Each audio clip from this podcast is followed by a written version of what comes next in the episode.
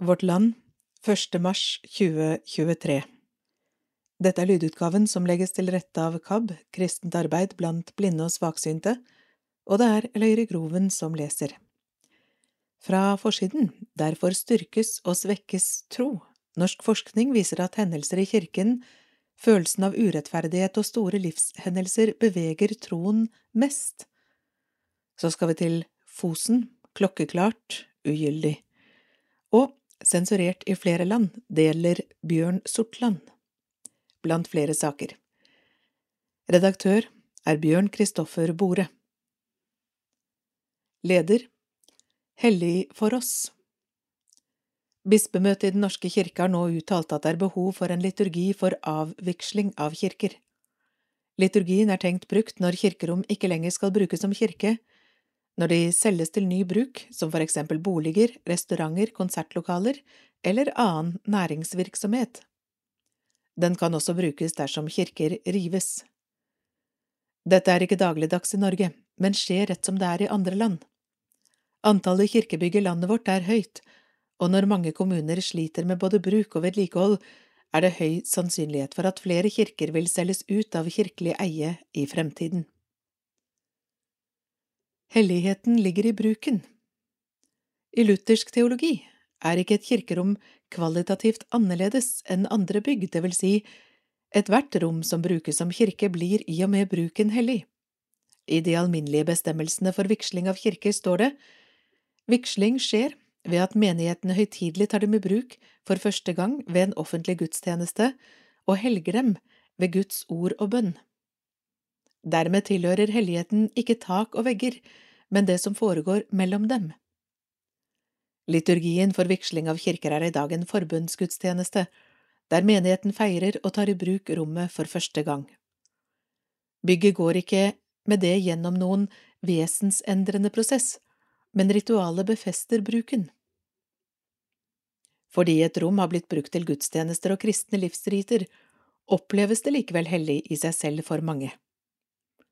Det vil si at rommet er et annerledesrom, der man automatisk utviser pietet og respekt, og der man åpner seg for noe som er større enn seg selv.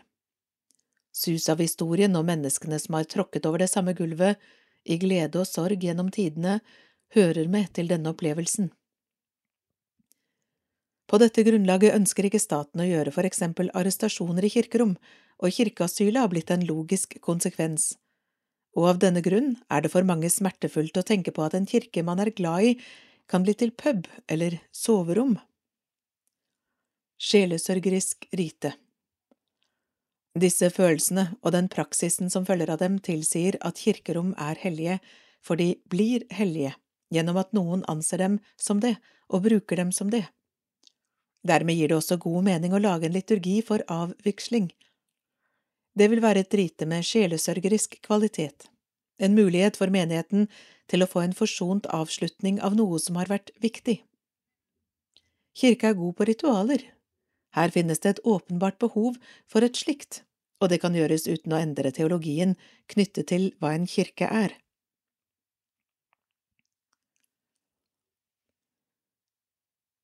Kommentaren i dag er skrevet av politisk redaktør Berit Aalborg Jonas bør lære av Gro. Utbyggingen av Alta-Kautokeino-vassdraget står igjen som et overgrep mot vår samiske urbefolkning. Jonas Gahr Støre bør snakke med Gro Harlem Brundtland om hennes etterpåklokskap, slik at et nytt overgrep ikke blir begått. Representanter for en ung og stolt generasjon samer har lenket seg sammen utenfor Olje- og energidepartementet, sammen med Natur og Ungdom. Saken handler om vindmølleutbyggingen på Fosen. Fra Sverige har Greta Thunberg kommet for å gi dem støtte. Saken er i ferd med å få internasjonal oppmerksomhet. Turbinene står etter høyesterettsdom. Demonstrantene reagerer på at det har gått 500 dager siden Høyesterett slo fast at konsesjonen til landets største vindkraftanlegg ble kjent ugyldig. Likevel er vindmøllene i full drift. Fredag formiddag sa olje- og energiminister Terje Aasland, Ap, at regjeringens mål er å fortsette driften av vindmølleparken på Fosen. Han anslår at det vil ta ytterligere et år å utrede tiltak for å sikre at samenes rettigheter ikke blir krenket. men det er vanskelig å se for seg hvilke tiltak som kan sikre samenes rettigheter mot ødeleggelsene Fosen vindmøllepark bidrar til, midt i et av de sørsamiske kjerneområdene. Ikke minst fordi en rekke tiltak allerede er vurdert. Et av dem er flytting av reinsdyr. Men dette tiltaket er i seg selv et brudd med den nomadiske livsstilen til reindriftssamene i området. Sørsamisk identitet er knyttet til reindrift. En viktig del av denne tradisjonen er å følge rein mellom etablerte sommer- og vinterbeiter. Dette er en sentral del av den samiske kulturen, tradisjonen og identiteten. Erkjennelsen av dette var et av flere viktige hensyn som ble vektlagt i dommen, der Høyesterett slo fast utbyggingen at den krenker reindriftssamenes rett til kulturutøvelse etter FNs konvensjon om sivile og politiske rettigheter. Likhetstrekk med Alta-Kautokeino-utbyggingen De siste dagers demonstrasjon utenfor Olje- og energidepartementet viser at utbygging av vindkraft i samiske kulturområder er i ferd med å bli svært politisk betent for regjeringen Støre. Storsamfunnets behov for kraft står mot en urbefolknings rettigheter. Saken er blitt så viktig at statsminister Jonas Gahr Støre ikke slipper unna å håndtere den selv. For Støres del kan vi håpe han har vært i kontakt med Gro Harlem Brundtland, som var statsminister da utbyggingen av Alta-Kautokeino-vassdraget ble iverksatt. Under hennes regjeringstid ble samiske demonstranter hentet med makt ut fra områdene ved vassdraget i Stilla. Det ble også demonstrert foran Stortinget, og en gruppe samer sultestreiket. I 1982 erklærte Høyesterett at utbygginga var lovlig. Men saken er blitt stående igjen som et mørkt kapittel i nyere norsk historie. Utbyggingen ble et symbol på hvordan storsamfunnet er villig til å krenke samenes rettigheter. I ettertid ble det dessuten klart at Norge hadde nok kraft til å greie seg uten kraften fra Alta-Kautokeino-vassdraget. I 1991 uttalte Erling Diesen, generaldirektør ved Norges vassdrags- og energidirektorat, vi kan greie oss uten Alta, eller Kvænangen, eller Bardufoss, eller Skjomen, eller Kobbelv, eller Svartisen, eller Rana, eller Røssoga, eller hvilket som helst annet kraftverk videre sørover. Men det ville ikke vært så enkelt å greie seg uten alle disse. Han slo dermed fast at Alta-Kautokeino-vassdraget med Europas største canyon kunne blitt reddet. Gros etterpåklokskap Spørsmålet er hva Gro Harlem Brundtland tenker i ettertid. Vi som var til stede da hun ble intervjuet på Arendalsuka i 2022, fikk høre hennes etterpåklokskap. Riktignok svarte hun nei da hun ble spurt om hun angret på at hun ikke satte foten ned for å stoppe utbyggingen, men alt hun sa etter sitt nei tyder likevel på at hun gjerne skulle sett utbyggingen ugjort. Omkostningene var store, det er denne refleksjonen hun bør dele med sin nåværende etterkommer Jonas Gahr Støre, som nå snart har flere store saker på sitt bord, der samenes rettigheter blir presset av storsamfunnet. Slik Vårt Land har skrevet på nyhetsplass, er det nå flere samiske Ap-politikere som melder seg ut av partiet. De ser ut til å miste tilliten til Ap. Ikke minst bør Støre reflektere rundt hva vindkraftutbyggingen koster en urbefolkning som har måttet tåle mye av norske myndigheter gjennom mange, mange tiår. Snart må regjeringen dessuten forholde seg til flere vindkraftutbygginger i samisk kjerneland. Det handler om Norges nest største inngrepsfrie område i Finnmark, Rastigaisa, som også regnes som et hellig fjell.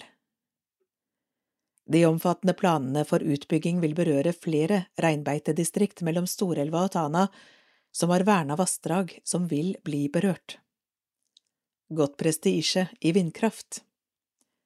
Alle regjeringer som har ledet Norge de siste årene, har lagt stor prestisje i å bygge ut vindkraft.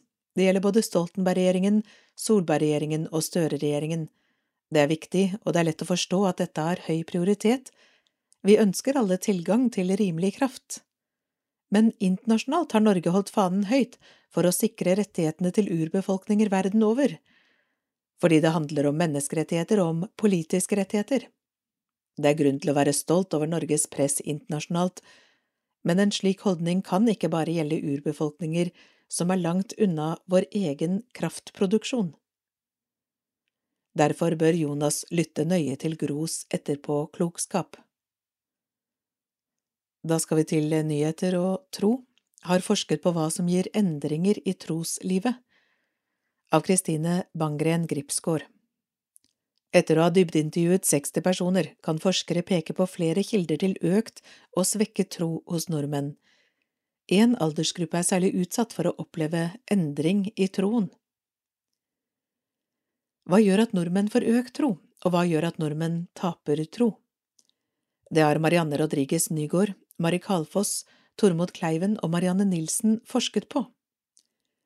Noe av bakgrunnen til at vi ønsket å forske på dette, var å bli oppmerksomme på hva som kan bidra til at tro endres, forteller Rodriges Nygaard.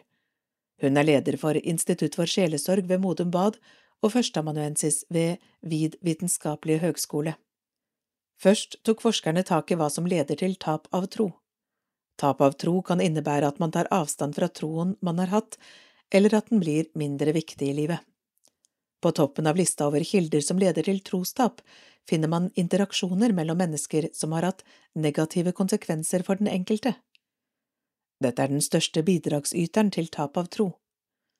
Det kan dreie seg om negative opplevelser i kirka eller relasjonelle konflikter med mennesker som kaller seg kristne.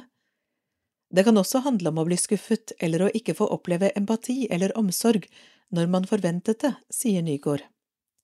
Marianne Nilsen er førsteamanuensis ved NTNU. Hun trekker frem avstanden mellom liv og lære som en kilde til trostap. Enkelte informanter forteller om manglende raushet og aksept fra andre. Det forkynnes gjerne om nestekjærlighet, men så oppdager man at det miljøet man var en del av, faktisk ikke var så raust likevel. Det kan lede til en avstand til religiøsitet i seg selv, sier Nilsen. Maktovergrep og hykleri er eksempler på effektive negative interaksjoner som leder til tap av tro. Er kristne klar over hvor effektivt hykleri er som bidragsyter til trostap? Jeg vet ikke i hvilken grad mennesker er klar over det, men jeg tror det er mer bærekraftig å innrømme feil, være ekte og sann, sier Nygaard. Hun påpeker at kristne kan være opplært til å ha idealer, som å være svært overbærende og dermed bli sene til å forsvare seg. Mange kan føle på at de bør tåle mye før de setter foten ned. Det gjør at konflikter kan pågå lenge. Vi har sett at det kan være ganske skadelig om man ikke har systemer der man kan gi tilbakemeldinger. Å bli gående lenge alene med vonde erfaringer kan lede til trostap, forteller Nygaard. Dette fant forskerne at kan lede til tap av tro, Negative interaksjoner, for eksempel i kirka eller i relasjoner. Tvil. Det kan handle om en endret virkelighetsforståelse eller en opplevelse av urettferdighet. Store livshendelser som død eller sykdom. Døden som trosstyrkende. Deretter studerte forskerne hva som resulterte i økt tro. De fant at store livshendelser som død og sykdom ikke bare kunne lede til trostap, men også være trosstyrkende. Forskning viser at når vi mister former for helse, så aktiveres ofte søken etter en tro. Mange søker da å finne en mening eller støtte eller trøst i det man står i. Særlig bønn ser ut til å aktivere tro, forteller Nygaard. Men samme livshendelser kan lede til to ulike utfall? Ja, og hvorfor er det slik at ting kan tolkes så ulikt? Ved dødsfall kan noen oppleve at Gud svikter, mens andre opplever kriser som noe trosstyrkende.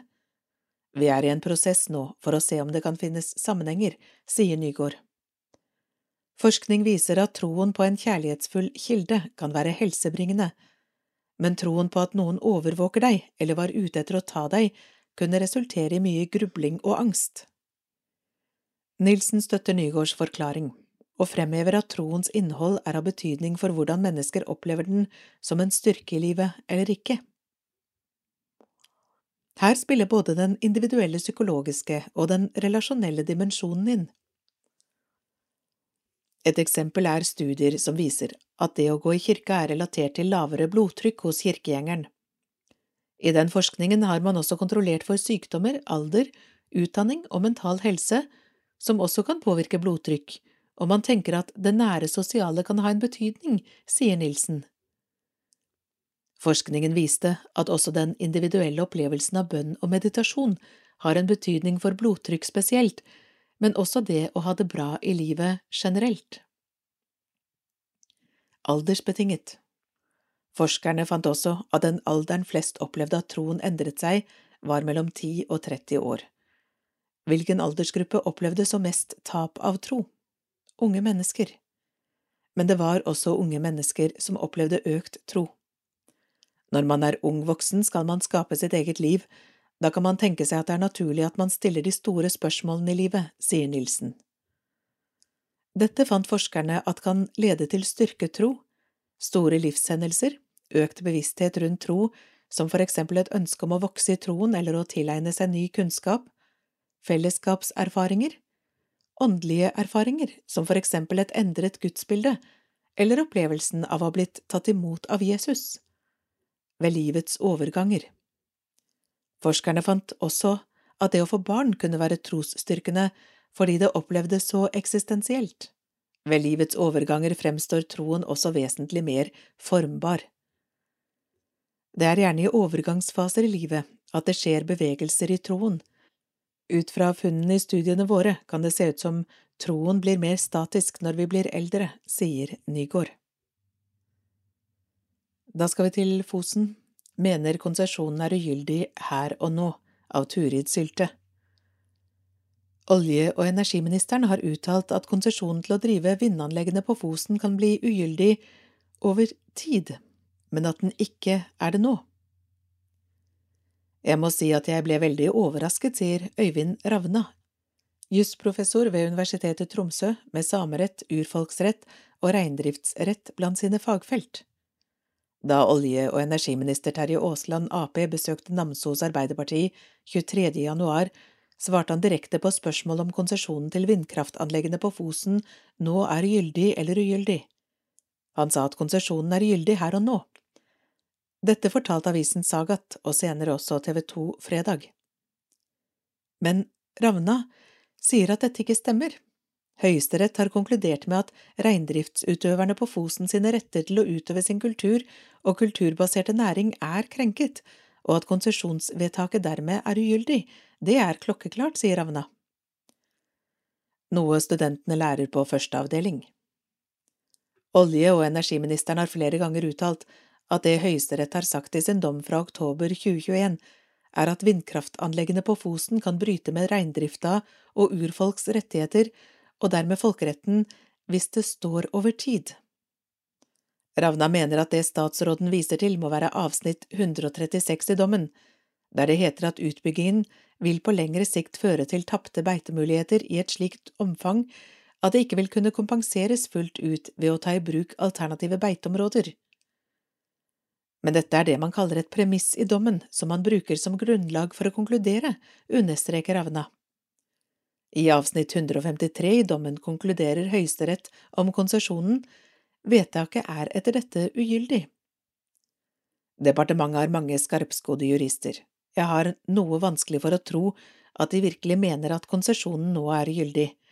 For meg er dette enkel domsanalyse, noe som er en del av juridisk metode og rettskildelære som jusstudentene lærer på førsteavdeling, sier Ravna.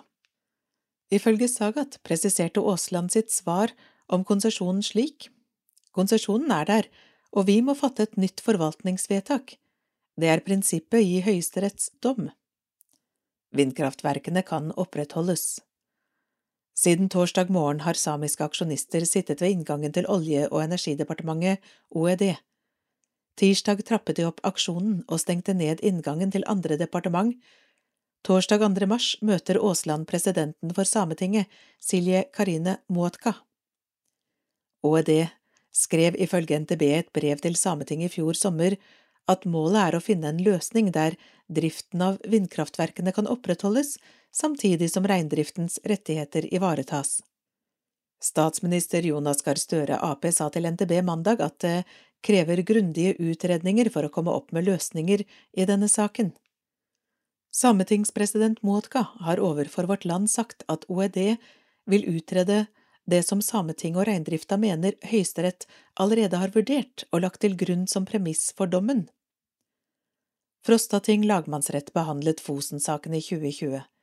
De kom fram til at en løsning der deler av reinflokken ble gjerdet inn og gitt fôr i tre måneder vinterstid, i stedet for å benytte vinterbeiter som de på Fosen under tvil gjorde at reindriftsnæringen ikke var truet.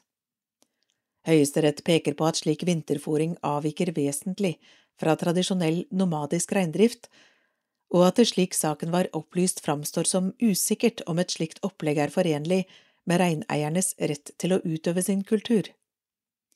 Høyesterett legger til spørsmål har ikke vært gjenstand for en bred og grundig vurdering, og generelle reindriftsinteresser er ikke blitt hørt. Mot slutten av dommen oppsummerer Høyesterett.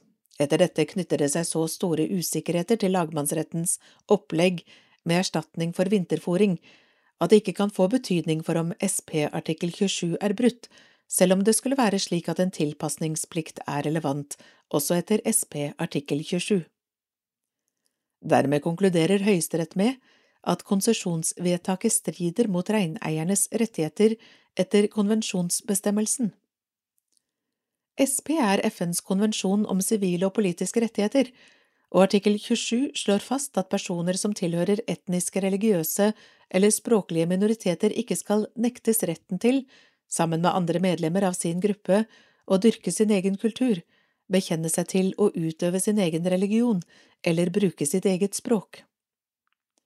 Ravna understreker at avbøtende tiltak er blitt vurdert av sakkyndige forut for konsesjonsvedtakene, klagesakene og rettssakene som har pågått i Fosen-saken siden 2010. Både konsesjonsmyndighetene og domstolene er klar over at man må synliggjøre at slike tiltak hindrer at menneskerettsloven og FN-konvensjonen blir krenket for at inngrepet skal være lovlig.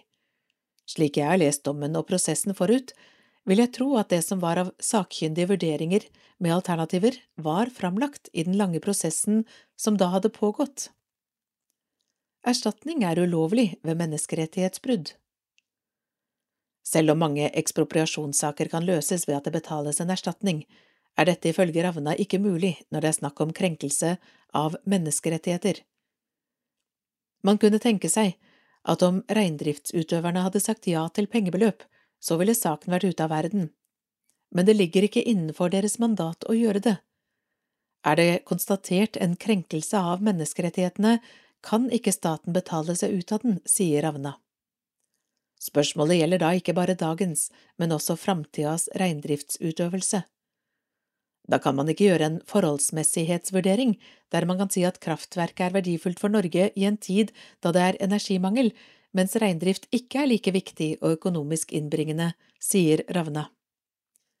Ravna understreker at det skjedde en endring på dette punktet i 1999. Da vedtok Norge menneskerettighetsloven, som tok internasjonale regler og menneskerettigheter inn i det norske lovverket. Fra da av må alle inngrep, uansett samfunnsnytte, ikke overskride terskelen som kunne medføre krenkelse av urfolks rettigheter til å utøve sin kultur. Endringen synes ikke å ha blitt vektlagt i tilstrekkelig grad av konsesjonsmyndighetene, sier Ravna. Han mener at loven og reglene om forhåndstiltredelse ved ekspropriasjon må endres. Ravna har ledet Sametingets reindriftslovutvalg, som foreslår endringen i forbindelse med ny reindriftslov. Konsesjonene gjelder. Høyesteretts avgjørelse medfører ikke at konsesjonene til vindkraftverkene har falt bort. Til det eventuelt er fattet nye forvaltningsvedtak, er det de eksisterende konsesjonene som gjelder, skriver statssekretær i Olje- og energidepartementet Elisabeth Sæther, Ap, i en e-post til Vårt Land. Sæther gjentar at høyesterettsdommen ikke sier hva som skal skje med vindkraftverkene, og at endringer i vindkraftverkene derfor krever nye forvaltningsvedtak. Hun understreker også at staten ikke var part i rettssaken, men opptrådte som partshjelper i Høyesterett. Nå skal det handle om en fredsbønn. I Guds hus er jeg alltid hjemme, av Ragnhild Grongstad. Olga Sjidetska, 33 år, flyktet fra Kiev til Norge fire dager etter invasjonen. Hun savner alt, men i Norge har hun funnet trøst i kirka. Fredag sang hun ukrainske salmer på ettårsmarkeringen i Trefoldighetskirken i Oslo. Jeg mistet hjemmet mitt, stedet mitt, men i Guds hus er jeg alltid hjemme. I Oslo domkirke fikk jeg nye venner. 33-åringen følte seg først ensom og fremmed i nytt land. Nå er det jeg som står i kirkedøra på søndagene og deler ut salmebok og ønsker folk velkommen, sier Sjidetska stolt. Et år etter at krigen i Ukraina brøt ut, har det kommet nesten 40 000 flyktninger fra Ukraina. Olga Sjidetska er en av dem. Sammen med barna sine måtte hun flykte fra hjembyen Kiev. Kirka, viktig lokal møteplass for ukrainere. Fredag var det 365 dager siden Russland invaderte Ukraina. Dette ble markert med arrangementer over hele Norge, fra nord til sør. I Oslo inviterte Den norske kirke til fredagsbønn for Ukraina i Trefoldighetskirken. Preses Olaf Ykse Tveit deltok på markeringen. Han sier kirker rundt om i landet har stilt opp for å inkludere nyankomne flyktninger, og mener kirkene har stor betydning for ukrainere i flere lokalsamfunn. Det er imponerende å høre om alle som har hjulpet nye ukrainske naboer og nye klassekamerater, sier Fykse Tveit. Google Translate som tolk og trøst. Trefoldighetskirka, som ligger midt i Oslo sentrum, har det siste året viet mye tid til ukrainere som har kommet hit til Norge. Vi har hatt et ønske om å ta imot ukrainere her, på en så god måte at de kjenner at de ikke er alene, sier prest i Trefoldighetskirken Pål Christian Balstad. Hva konkret har dere gjort? Tre ting. Vi har hatt disse store økumeniske gudstjenestene hvor vi samler kirkesamfunn på tvers i solidaritet og i bønn. Så har vi også hatt åpen kirke som mange andre steder, hvor vi har lest salmer gjennom hele året. Og for det tredje har vi lagt til rette for en ukrainsk prest som har kommet hit for å feire gudstjenester, både i høst, første juledag og ortodoks messe. Balstad trekker fram et av møtene som har gjort mest inntrykk, om en dame som satt i kirkebenken og gråt. Hun ville prate, men kunne ikke engelsk eller norsk. Så vi satt og snakket sammen og tekstet gjennom Google Translate om hvor vondt det var for henne å måtte reise fra mora, og hva krigen har gjort med henne. Hun kom fra Kharkiv og hadde forlatt moren og alle dyrene på gården, sier Balstad. Fader Clement, glad for støtten, Fader Clement i den russisk-ortodokse kirke i Norge var også innom fredsbønnen. Det er godt å være her i dag, her i kirken på ettårsdagen. Det er godt å være sammen med prestene, brødre og søstre. Han setter pris på tydeligheten til Den norske kirke. Torsdag skrev de norske biskopene i en felles ytring at Den norske kirke ikke kan akseptere at krigen støttes av den russisk-ortodokse kirkeledelsen. Jeg syns det var bra at biskopene i Den norske kirke henvendte seg til allmennheten, og helt spesifikt til den russiske kirkeledelsen, sier fader Clement. Han understreker at det ikke er slik at hele kirken i Russland støtter krigen, og at ikke alle er på samme linje som kirkeledelsen i den russisk-ortodokse kirke. Mange tar til orde mot krigen og snakker med helt andre ord og vendinger enn det kirkeledelsen gjør, det er viktig å huske på. Jeg har alltid Gud, mens suppen serveres etter bønnen, forteller Olga Sjidetska om hvor fint det er å synge sammen med venner fra Ukraina. Men det er mye hun savner hjemmefra, menigheten, jobben og familien, men også de små tingene som de lokale kaffeplassene i Kiev. Det er stunder jeg føler meg svak, men så vet jeg at jeg har Gud, jeg føler Han er med meg. Nå lærer jeg norsk og får jobbtrening, det er fantastisk, sier hun og legger til, men jeg tenker mest på fremtiden til mine barn fordi jeg vil de skal være lykkelige, så jeg gjør alt jeg kan for dem. Presten som åpnet døra Selv om Shideska har vært mye ensom, takker hun i dag Gud for at de flyktet fra hjemlandet. Hun er spesielt takknemlig for Oslo domkirke. Jeg må nevne Valborg, Christian og Jonas, alle prestene i Oslo domkirke. De er virkelig fantastiske mennesker. Jonas åpnet dørene for meg og familien min. Han og kona har for eksempel invitert meg og barna på middag, sier Olga med tårer i øyekroken. Hun trekker pusten før hun fortsetter. Hos Jonas og kona har vi fått god mat, og barna mine fikk andre barn å leke med. De er virkelig fantastiske mennesker. Da skal vi til Amerika og Plains, Georgia. Hele Plains er Jimmy Carters museum av Une Brattberg. Kim Fuller arvet jobben fra sin berømte onkel. Nå er det hun som leder søndagsskolen i Maranata Baptist Church i Plains. Kim er niesen til USAs 39. president. I mange år var hun Jimmy Carters vikar på søndagsskolen for voksne. De siste årene har det vært jobben hennes fast. Nå har 98 år gamle Carter etter flere sykehusopphold bestemt at den tiden han har igjen av livet, skal leves hjemme. Carter skal motta hospicebehandling hjemme i stedet for ytterligere medisinske inngrep, opplyste Carter-senteret i Atlanta sist lørdag. Dagen etter beskjeden kom, har den pensjonerte læreren Kim Fuller bibeltimen som vanlig, men det er ikke en vanlig søndag i Maranata Baptist Church i Plains, det er en berørt niese som snakker om onkelen sin. Søndagsskolen, som er en bibeltime for voksne, streames på nett, og Kims tema er kong David og Salomo. Jeg har lyst til å lese et av onkel Jimmys sitater for dere, sier hun etter bibeltimen er ferdig. For henne er dette et sitat som sier mye om hans syn på liv og tjeneste. Jeg har ett liv og én mulighet for å la det bety noe. Jeg kan velge hva det er. Min tro krever at jeg gjør alt jeg kan, når jeg kan, hvor jeg kan, så lenge jeg kan. Kanskje når vi tenker på det, er det tid for å sende stafettpinnen videre, sier hun. Men jeg aner ikke hvem som kan plukke opp stafettpinnen etter ham. Alltid bodd i Plains. Bortsett fra fire år som president og en periode som guvernør i Georgia, har Jimmy og kona Rosalind Carter alltid bodd i Plains.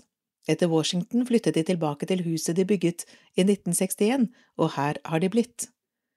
De mørke bilene til Secret Service står utenfor huset, som hos alle tidligere presidenter. Det er rart med det, du kan dra til Washington og bli president, men når du kommer hjem til Plains, er du Jim igjen, sa pastoren i baptistkirka i en video sist søndag. Eller Mr. Jimmy, som Michael Dominic og de fleste i Plains kaller ham. Mr. Jimmy og Mrs. Rosalind. Dominic ble innkalt for å gi peanøttstatuen et ferskt strøk med maling. Den nesten fire meter høye statuen ble laget til presidentvalgkampen i 1976 og er et av flere landemerker i byen. Carter var peanøttbonde, så den statuen ga seg selv. Nesten alle turister stopper opp for å ta bilde av seg selv foran kjempepeanøtten, som har en glisende tanngard, det brede smilet som alltid har vært Carters varemerke. Nå som byen forbereder seg på å ta farvel, vet jeg at trafikken hit vil øke et skattkammer. Plains er et lite sted midt på landsbygda i sørstatene, to og en halv times kjøring fra delstatshovedstaden Atlanta, omgitt av jordbruksland med knapt 700 innbyggere. Skolen som Carters niese Kim Fuller gikk på som barn, er nedlagt. Midt i byen ligger den gamle togstasjonen som var Carters valgkamphovedkvarter i 1976, i dag er det museum. Det er også skolen han gikk på, og gården der Carter vokste opp. Billy Carters bensinstasjon er også et museum. Billy var Carters bror. The Jimmy Carter National Historic Site omfatter egentlig hele den lille byen. Plains er som et levende museum for og om Jimmy Carter. Hele byen er en nasjonalpark, denne butikken også. Philip Culland smiler og slår ut med armene i butikken Trading Post, som er stappfull av klistremerker, buttons, plakater, bøker, postkort, klær mynter, nøkkelringer. Dem har han samlet i ti år. Alt handler om tidligere presidenter, både de som tapte og vant, guvernører og andre politikere og samfunnstopper. Et skattkammer for historisk og politisk interesserte, sier Kuland ubeskjedent. Veggene er fylt med hyller og bilder, bøker i stabler på gulvet, men Curlan vet hvor alt ligger.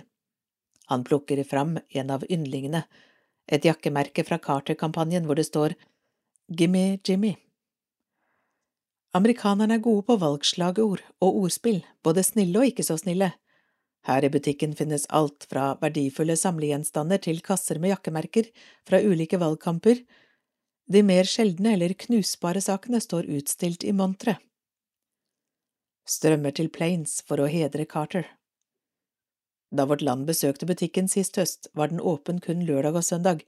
Nå holder de åpent hele tiden for folk strømmer til Plains, de vil besøke Carters hjemby før han dør. De store fjernsynsselskapene er her selvsagt, men også mange vanlige folk. Jeg tror de vil være i nærheten etter nyheten om Carter, sier Curland på telefon fra butikken. Da han og kona Ramona flyttet hit for over 20 år siden, trodde han ikke det var mulig at man kunne treffe en tidligere president på gata, i butikken eller hos frisøren. En gang jeg var alvorlig syk, kom han på besøk. Han tenkte alltid på andre, enten det var folk i byen eller gjennom Habitat for Humanity. En mann med et godt hjerte, mener Kulan. Svingte selv hammeren. Carter blir omtalt som den beste ekspresidenten i USA, og har brukt livet etter årene i Det hvite hus til å støtte menneskerettigheter, global helsehjelp og jobbe for rettferdige valg gjennom Carter-senteret i Atlanta. Han har også støttet renovering av 4300 hus gjennom den frivillige organisasjonen Habitat for Humanity. Ofte ble Carter sett med snekkerbelte og hammer selv, han var en vanlig mann. I Curlands butikk er det selvsagt Carter-effekter som er mest populært, men like bak følger Ronald Reagan. Philip Curland har en klar mening om hvorfor, uansett om du var enig med ham eller ei, han fikk deg til å føle det bra å være amerikaner. Reagan vant presidentvalget i 1981, og dermed ble det kun én periode for Carter. Så er det jo sånn, da, at jo lenger vi går tilbake, jo bedre blir det. Alt virker lettere og bedre når tiden har lagt et slør over hvordan det egentlig var. I dag snakker vi om det polariserte USA. Jeg mener det var enda verre under Vietnamkrigen, sier Curland. Så godt som alle kundene hans er turister og andre tilreisende. Årlig kommer rundt 70 000 til Jimmy Carters Plains. Høytidsstund å gå til valglokalet. Kim Fuller og ektemannen Mark går tur i stille gater. Det er oktober 2022 og mellomvalget i USA er bare dager unna. Kim er bekymret for det hun mener er en stadig større avstand mellom politikere og vanlige folk. Vi må ha kontakt med dem som styrer, vi må være en del av løsningen og forsikre oss om at vi blir hørt, sier Carters niese til Vårt Land. Hun mener det var annerledes før. Jeg vokste opp i en politisk familie, og det var en viktig tradisjon og en høytidsstund at alle gikk for å stemme sammen. Nå snakker vi nesten ikke politikk lenger. Kim Fuller er direktør for Friends of Jimmy Carter Foundation og er på vei for å sjekke at alt står bra til med blomsterhagen for sommerfugler som ligger midt i byen. Det er for den utrydningstruede monark-sommerfuglen en av Mrs. Rosalinds lidenskaper. Kim Fuller passer på når Rosalind Carter ikke kommer seg så mye ut lenger. Den tidligere førstedammen grunnla Carter-senteret sammen med ektemannen. Det siste året har det ikke vært så mye utenfor huset, sier Kim Fuller. Ikke så lang kø når det er meg. Etter mange år som vikar for onkelen sin ba Jimmy Carter henne ta over for godt i 2021. Da var han 96 år da Carter selv holdt sine bibeltimer, var det kø fra tidlig morgen for å få en av de 400 plassene i kirka. Folk kom langveisfra for å høre den tidligere presidenten preike på søndagsskolen for voksne. Men det er ikke kø når det er meg, smiler Kim Fuller. Hun husker godt første gangen hun var vikar, og de skuffede blikkene fra den stappfulle kirka da de skjønte det var henne, ikke Carter, som skulle ha søndagsskolen. Selv om Jimmy Carter ga seg som søndagsskolelærer som 96-åring, fulgte han fremdeles med. Både han og kona så på overføringene på internett, og onkel Jimmy kommenterte etterpå, enten på telefon eller e-post. Han fulgte med, alltid engasjert, og han var den beste søndagslæreren, sier hun. Vi må jobbe for å bli bedre mennesker. Bak disken i Plains Trading Post har Philip Corland nettopp avsluttet et intervju med en fransk TV-stasjon da vi ringer. Dagen før banket journalister fra Spania på, så et par direktesendinger på ulike amerikanske nyhetskanaler. Curland er et ettertraktet intervjuobjekt akkurat nå. Hva tenker du nå, hva blir den viktigste arven etter Jimmy Carter? Det er like enkelt som det er vanskelig. Alle må jobbe hardere for å bli bedre mennesker, og gjøre flere gode gjerninger, rett og slett. Curland mener at selv om det blir trist når Carter dør, vil det også bli en feiring av et liv well done. Jeg vil understreke hans vennlighet og hvor vanlig han var, og det flotte livet han har levd. Han er en mann av folket. Da blir det verdidebatt, og vi starter med trosfrihet og friskoler. Innlegget er av Sissel Høland Olausson og Helge Vatne, Kristne Friskolers Forbund. Hører trosfrihet fortiden til? Trosfriheten kan gå tapt hvis bare mainstream-tankegang skal anses som det eneste rette.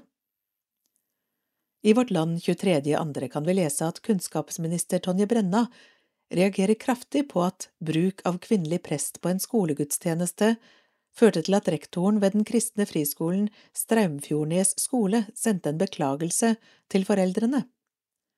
Brenna sier at disse verdiene hører fortiden til. Tilsvarende utspill har kommet fra andre. Beate Irén Lerdal, leder i Norsk kvinnelig teologforening, mener friskolen driver med kjønnsrasisme og diskriminering. Fungerende biskop Stig Legdene mener skolen diskriminerer og bør be om unnskyldning. Ordfører i Nordreisa kommune, Hilde Nyvold Ap, sier hun ikke kan være bekjent med at skolen viderefører holdninger fra en annen tidsalder. For oss som jobber med rettighetsspørsmål til daglig, er det forstemmende å se hvor svakt trosfriheten står i Norge. Det enkle og prinsipielle i denne saken er jo at enhver privatskole, godkjent på livssynsgrunnlag, forholder seg til skolegudstjenester i samsvar med det trosgrunnlag skolen er tuftet på. Humanistiske skoler går aldri til gudstjeneste. Katolske skoler går til katolsk gudstjeneste, hvor presten alltid er mann. Adventistskoler har det uvanlige synet at lørdag er gudstjenestedag. Trosfrihet har ikke gått ut på dato. Den omtalte skolen i Nordreisa bygger på læstadiansk luthersk lære. Dem om det, ikke sant, de har sin trosfrihet, og for dem er det feil å ha kvinnelig prest i gudstjenesten. Rektor hadde ikke sjekket dette på forhånd og beklaget i etterkant. Hennes mandat er å styre skolen etter eiers trosgrunnlag, så når det glipper, er det 100 prosent riktig og normalt å beklage. Gudstjeneste og prestetjeneste handler om religiøst syn. Ifølge menneskerettslovens paragraf to har Norge forpliktet seg til å sikre foreldres frihet til å sørge for at deres barn får en religiøs og moralsk oppdragelse i samsvar med deres overbevisning. Trosfrihet gjelder både bitte små trossamfunn og de store med milliarder av mennesker i medlemsmassen, som de muslimske og katolske, med tydelig lære om at religiøse ledere skal være menn. Trosfrihet har ikke gått ut på dato. Foreldre i Nordreisa har benyttet seg av den retten de har, det skal de ikke be om unnskyldning for. Tvert imot bør andre be om unnskyldning for at de bruker nedlatende ord om mennesker som tar sin tro på alvor. Trosfrihet har ikke gått ut på dato, heldigvis, men den kan gå tapt hvis bare mainstream-tankegang skal anses som det eneste rette. Neste innlegg handler om klimaaktivisme. Det er skrevet av Hanne Tommelstad, Kantiol og klimaaktivist. Guds vilje er at vi tar vare på skaperverket. Teolog og klimaaktivist Hanne Tommelstad møter i Oslo tingrett 28. februar i forbindelse med sivil ulydighetsaksjoner sammen med Extinction Rebellion. Dette er hennes forklaring i retten. Jeg ble med i Extinction Rebellion XR i september 2019, etter å ha tilbrakt tre dager her i Oslo tingrett, hvor jeg var publikum på en rettssak mot 17 aktivister som var tiltalt for overtredelse av straffelovens paragraf 181 og politiloven paragraf 30. I dag er det jeg som står her, tiltalt for de samme overtredelsene. Det som gjorde at jeg ble med i XR etter den rettssaken i 2019, var for det første at jeg i XR opplevde en alternativ kultur, en bærekraftig kultur basert på omsorg og likeverd, en kultur der man gir fordi det er en del av vår natur som mennesker å gi av seg selv. Vi kan kultivere dette naturlige, så det blir en del av vår kultur, slik XR har gjort. For det andre gikk det opp for meg under den rettssaken hvor alvorlig det sto til med jorda vår, Tre ekspertvitner forklarte i klartekst situasjonen for natur og klima. I dag, tre og et halvt år senere, har vi ikke ekspertvitner i retten, vi trenger det ikke, vi vet hvor ille det er. Det er ingen tvil om at vi med vår livsstil og politikk ødelegger både klima og natur. Likevel er det fortsatt vi som prøver å si ifra, som sitter på tiltalebenken, mens de ansvarlige går fri. Klimarapport var katalysator. Snaut to år etter at jeg ble med i XR, ble jeg på nytt klar over alvoret i situasjonen, det vil si, jeg skjønte at det sto enda verre til enn det hadde gjort to år tidligere.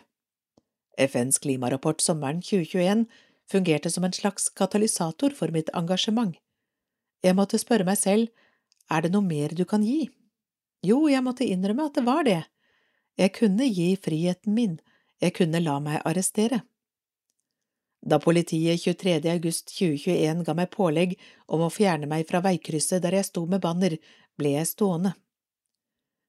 Det var ikke bare enkelt for meg å gå fra å være grønn, ikke arresterbar, til å bli rød, arresterbar. Jeg var komfortabel med å ha grønne roller. Da var jeg fortsatt en lovlydig, respektabel borger. Jeg kunne engasjere meg uten at det behøvde å koste meg så mye. Det som koster noe, kan imidlertid være verdt mer. Det handler om vår verdighet som mennesker. Engasjement for skaperverket Pave Frans skriver i sin encyklika Laudato Si 2015 Hva er hensikten med vårt liv i denne verden? Hvorfor er vi her? Hva er målet med vårt arbeid og alle våre anstrengelser? Hva trenger jorden oss til? Det er ikke lenger nok å si at vi må ha omsorg for fremtidige generasjoner. Vi må bli oss bevisst at det er vår egen verdighet som står på spill. Vi er de første som har interesse av å etterlate en beboelig planet til menneskeheten etter oss, det er et drama som angår oss, for det har å gjøre med den endelige meningen med vårt liv på denne jorden, paragraf 160. Jeg er kristen, og meningen med livet har opptatt meg siden jeg var tenåring på 1990-tallet. Da var det den skjeve fordelingen av verdens ressurser og global urettferdighet som opptok meg mest. Denne tematikken er ikke blitt mindre viktig med årene. Et engasjement for mine venner i Bangladesh må nødvendigvis innebære et engasjement for skaperverket og klimaet. Moralsk krav Som kristen ber jeg daglig for verden og jorda vår. Kontemplasjon og aksjon hører sammen. Bønnen informerer hvordan jeg lever livet mitt, hva jeg har på meg, hva jeg spiser, hvordan jeg kommer meg fra et sted til et annet, alt henger sammen, omsluttet av Guds godhet. Pave Frans skriver å leve kallet til å ta vare på Guds skaperverk er en vesentlig del av et godt moralsk liv. Det er ikke et valg man har eller et sekundært aspekt ved den kristne erfaring, paragraf 217. Paven beskriver en spiritualitet som modnes gjennom miljøengasjement og nestekjærlighet, paragraf 231. Da jeg for halvannet år siden tok valget om å la meg arrestere, var det kanskje ikke så mye et valg som et kall. Da jeg ikke fjernet meg etter pålegg fra politiet, var det som om Martin Luther sto ved siden av meg, her står jeg og kan ikke annet. Bak oss sto en hel sky av vitner, kristne som gjennom historien har fulgt apostlenes ord. En skal lyde Gud mer enn mennesker. Apostlenes gjerninger 5.29 Foretrekker å være lovlydig Som nevnt tidligere foretrekker jeg egentlig å være lovlydig. Under normale omstendigheter er dette også den kristne normalen. Det er normalt godt og riktig å adlyde myndighetene. Vi er imidlertid i en situasjon som ikke kan betegnes som normal. Jorda brenner, og myndighetene ser ikke ut til å være i stand til å gjøre det som er nødvendig for å slukke brannen. Da er det et poeng å vende blikket mot Gud, den Gud som har skapt verden, og som opprettholder den, Gud som er kjærlig, nådig og barmhjertig. Gud som gir seg selv for at vi skal ha liv. Den Gud vil jeg lyde. Karl Raner beskriver lydighet som en enhet mellom viljer. Å lyde Gud er altså å ville det samme som Gud. Guds vilje er at vi tar vare på skaperverket. Når myndighetene ikke gjør dette, medfører lydighet overfor Gud ulydighet overfor myndighetene. Skaperverket må innrømmes større verdi. Jeg står her i dag fordi jeg er ulydig, og jeg står for det. Jeg mener det er nødvendig fordi det er nød. Jeg er ikke den første som viser til nødretten. Så lenge kommersielle interesser har forrang fremfor natur, miljø, klima og mennesker, vil domstolen imidlertid ikke frikjenne noen av hensyn til nødretten. Vi kan bare med lengsel og håp se frem mot den dagen da skaperverket innrømmes større verdi enn pengene. Enn så lenge ber vi med Per Lønning, 1972. Og Gud for jord og alter, stig ned og se vår nød, hvor vettløst vi forvalter vår verden og dens brød. Vi velger gull og kaos, profittens perleport. Ta ikke dommen fra oss, men ta vårt vanvidd bort. Og så til eh, Ungdom og medier og Sofie Elise. Innlegget er skrevet av Marita Solberg Bjerke, prest og mamma. Nei, Sofie Elise har ikke noen gode poeng. Jeg hadde aldri trodd at jeg skulle skrive et debattinnlegg om Sofie Elise, men dette var dråpen, nå er det nok. Det er med forundring jeg leser David Svilands kommentar i Vårt Land 23. februar om den siste tids debatt rundt Sofie Elise, hvis tonen han kaller unausynlig, nedsettende og uverdig. Jeg lurer på om vi har samme virkelighetsforståelse. Det er vel heller å karakterisere de mange poengterte, saklige og høyst betimelige reaksjonene for det norske folketrollet som er uverdig. Det påstås at Sophie Elise har noen gode poeng. Det har hun ikke. Hun er ikke noe godt forbilde på noen som helst måte. Jeg hadde aldri trodd at jeg skulle skrive et debattinnlegg om Sophie Elise, men dette var dråpen. Nå er det nok. Vi kan ikke resignere. Jeg er ei 40 år gammel dame med nok livserfaring og selvrespekt til at jeg bare avfeier dette som vås, men jeg er også mamma til to små jenter som skal vokse opp til å bli gangs mennesker med respekt for seg selv og andre, og som jeg virkelig ikke håper tenker at de bare skal gi F i regler, normer og alminnelig folkeskikk. På vegne av dem og alle andre som vokser opp i det David Sviland helt riktig kaller et overseksualisert og utsjåna-fiksert samfunn, klarer jeg nå ikke å la være å si fra, for vi kan ikke bare konstatere at det er sånn, og resignere. Å ta Sophie Elise av lufta vil faktisk utgjøre en bitte liten forskjell. Man sier at dette er ikke greit. Jeg bor i ei bygd der to tenåringsjenter ble funnet døde på grunn av en overdose for kort tid siden, fordi noen ga F. Lefling med narkotikabruk er ikke bare ugreit, det er moralsk forkastelig og kan få fatale følger. Jeg er helt enig med David Sviland i at vi vil få et rikere samfunn om vi lærer hverandre opp i toleranse, åpenhet, nysgjerrighet og kritisk sans. Sophie Elise bidrar ikke til noe av dette. Jeg er også helt enig i at det er bra å av og til gå litt motstrøms og ikke bry seg så mye om hva andre tenker, men å hylle Sophie Elise for å gjøre det blir helt absurd. Alt hun gjør offentlig, framstår kalkulert og gjort med tanke på hva folk måtte mene og hvilke reaksjoner det måtte skape, det er det hun lever av. Dette håper jeg for jentene mine. Jeg håper virkelig jentene mine vokser opp til å bli tøffe nok til å ikke alltid bry seg om hva alle andre måtte mene til enhver tid, men å stå opp for seg selv og andre og det de mener er rett. Jeg håper de blir like tøffe som Marte Valle, som kjemper for menneskeverdet, som tør å si ifra og som også setter handling bak ordene sine. Til tross for pepper og usakligheter fra aviskommentatorer og andre.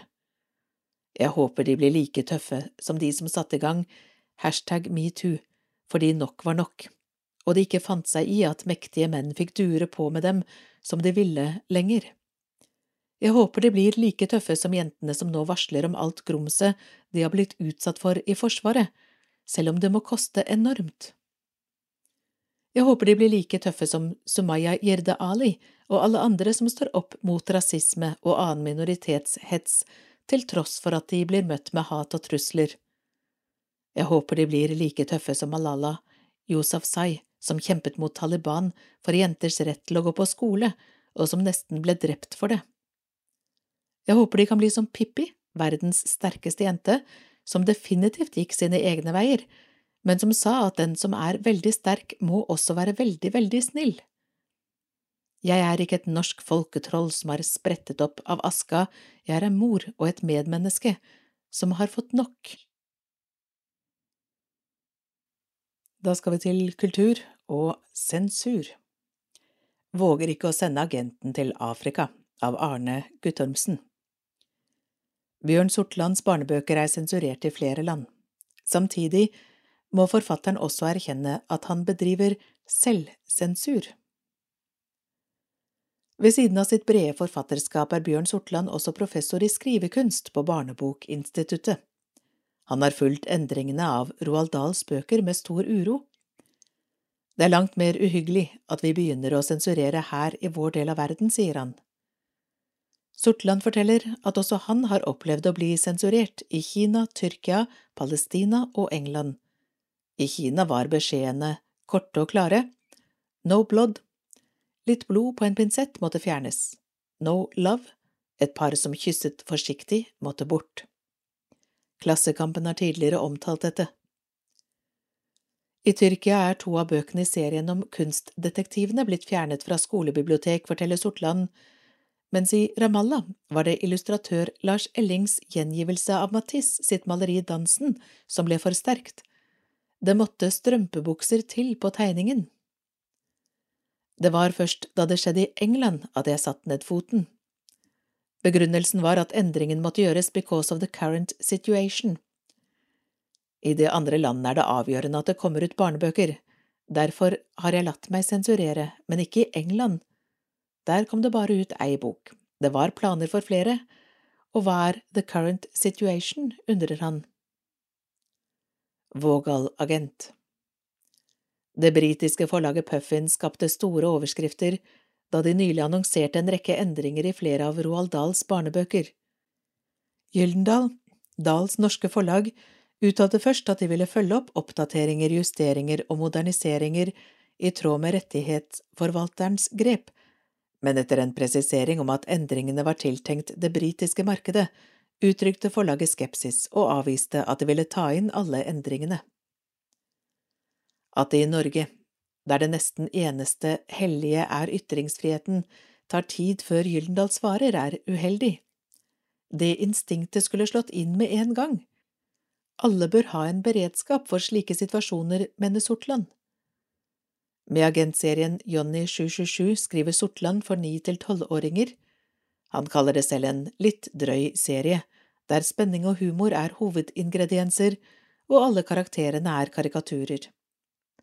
Som i serien om kunstdetektivene kan Johnny 727 også ta oppdrag over hele verden. Den serien er jeg redd for å bli tatt for. Jeg vegrer meg for å skrive ham inn i et oppdrag i et afrikansk land. I denne serien blir alle karakterene parodierte, men hvis jeg sender ham i møte med melaninrike folk, er jeg redd for å få høre at jeg opprettholder stereotypier, forteller Sortland. Du sensurerer deg selv? Da snakker vi selvsensur. Jeg orker ikke å bli rasist. Det er ikke sikkert det hadde skjedd, men jeg tenker på det. Men neste bok er likevel faktisk fra Egypt, og jeg jobber med bok med en som kommer fra Svaseland. Angsten må ikke bli styrende, sier han. Mindreverdig Selv om det vekker rabalder når man tukler med Dahls bøker som SVK og Heksene, er det åpenbart lettere å gjøre endringer i barnebøker enn i voksenlitteraturen. I et innlegg på Facebook skriver Anne Kristin Lande, forskningsbibliotekar ved Nasjonalbiblioteket, og Åse Kristine Tveit, førsteamanuensis ved bibliotek- og informasjonsstudiene på Oslo OsloMet, når innholdet i barnelitteraturen endres av krenkelseshensyn, er det uttrykk for at denne litteraturen stadig blir sett som mindreverdig, siden den kan fikses på og endres. De påpeker at Knut Hamsun selvsagt slipper unna med sine graverende omtaler av samer og jøder. Hamsuns bøker er kunst og revideres selvsagt ikke, selv om vi ikke kan gå god for de rasistiske holdningene som er der. Roald Dahl er ganske annerledes uskyldig, men når utgiverne vil revidere hans bøker, forteller det om et underliggende syn på barnelitteraturen som først og fremst noe oppdragende. Lande forteller til Vårt Land at hun er glad for at mange reagerte på endringene i Dahls bøker. Den siste man vil rette på er Roald Dahl, fordi han er den første som sier ikke hør på de dumme voksne. Skal litteraturen bli krenkelsesfri sone, blir den fort både tannløs og kjedelig, sier hun. Løfteblikket Å omskrive Roald Dahl sine verk slik at de passer inn i nåtiden, er helt feil. Det mener direktør i Norsk barnebokinstitutt, Nisrin Maktabi Barkoki. Hun ser paralleller i endringer gjort i blant annet Sverige, der Astrid Lindgrens bøker har blitt omskrevet, og der tegneserien Tintin har blitt fjernet fra svenske bibliotek på grunn av dens kolonialistiske preg. Å omskrive eldre bøker fordi innholdet i nyere tid kan fremstå som støtende eller krenkende, blir etter min mening feil. Vi snakker om uttrykk som hører til en spesifikk kontekst, som representerer sin tid. Denne diskusjonen kan sees i lys av andre, nylige lignende saker, som Christian Krogh sitt i hermetegn kolonialistiske maleri, som nylig har vært svært omdiskutert, mener Maktabi Barkoki. Barkoki har også sittet som utvalgsmedlem i Kulturrådets vurderingsutvalg for oversatt litteratur, og som leder for Norsk Penn sitt flerkulturelle utvalg. Å utgi bøker med originaltekst mener hun kan gi lærdom til nye generasjoner lesere.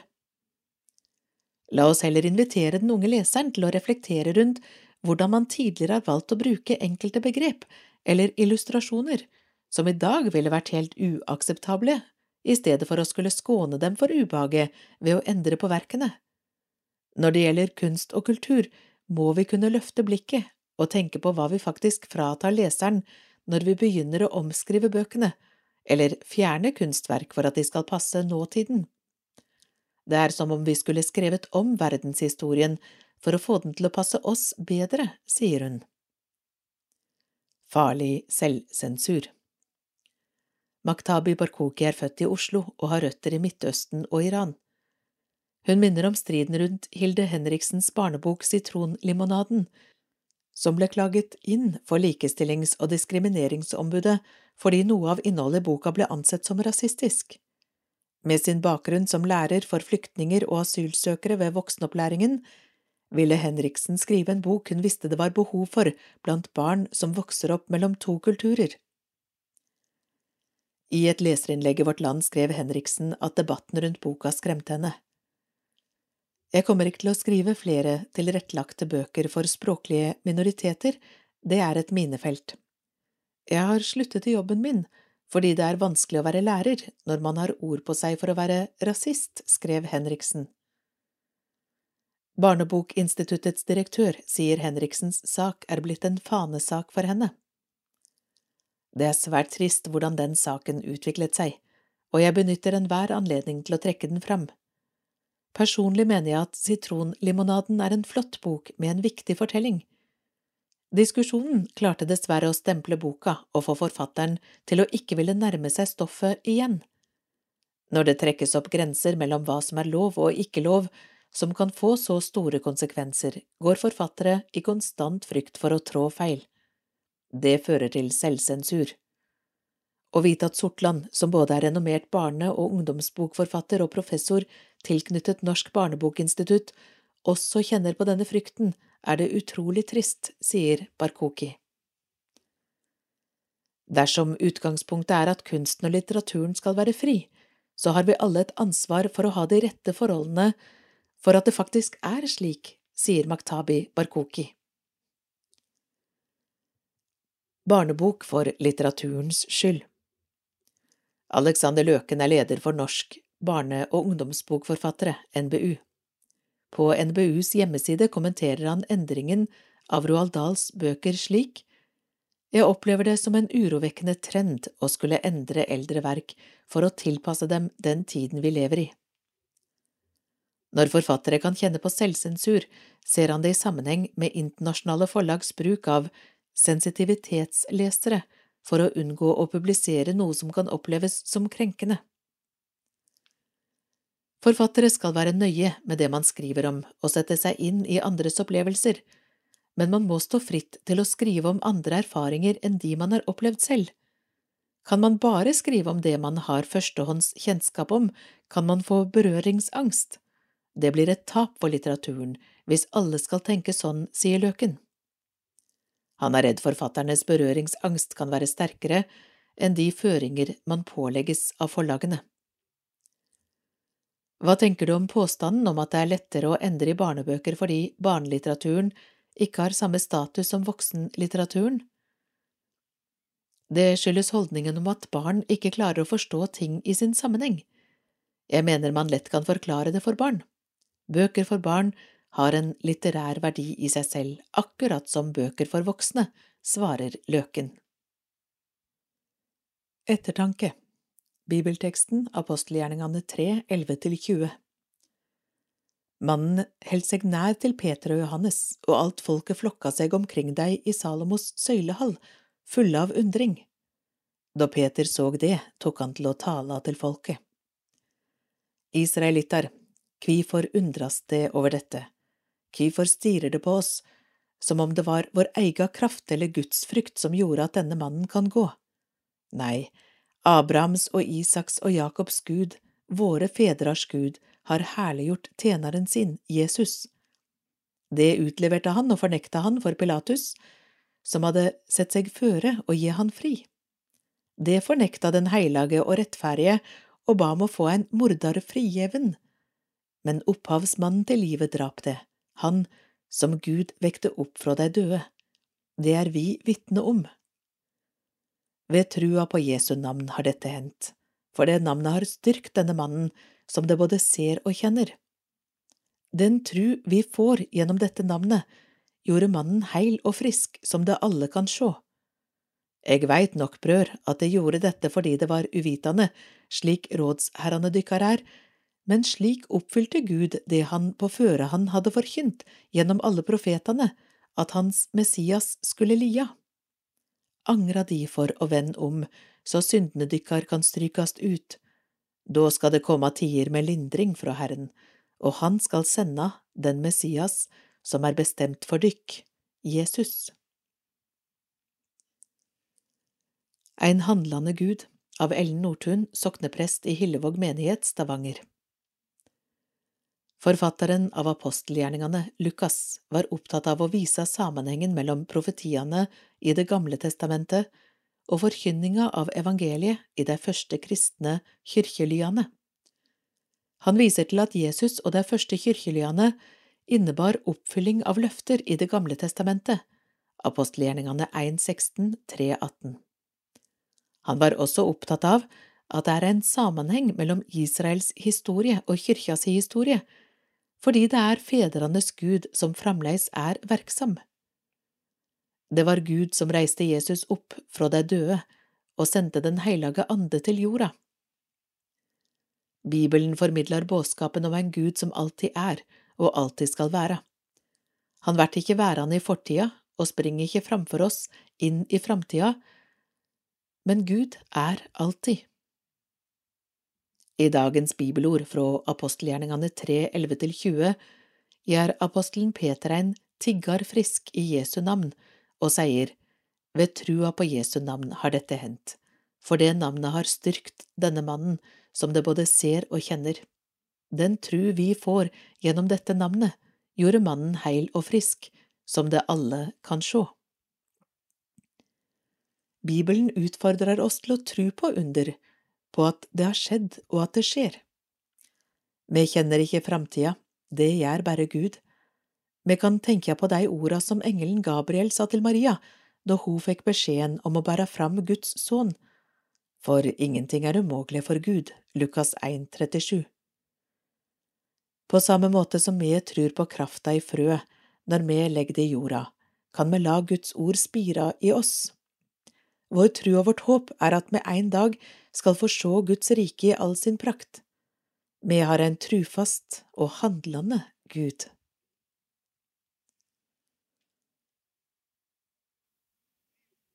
Dagens lydavis er slutt, men nå er det jo starten på mars, og en ny vår venter. Ha en fin dag og en fin månedsstart.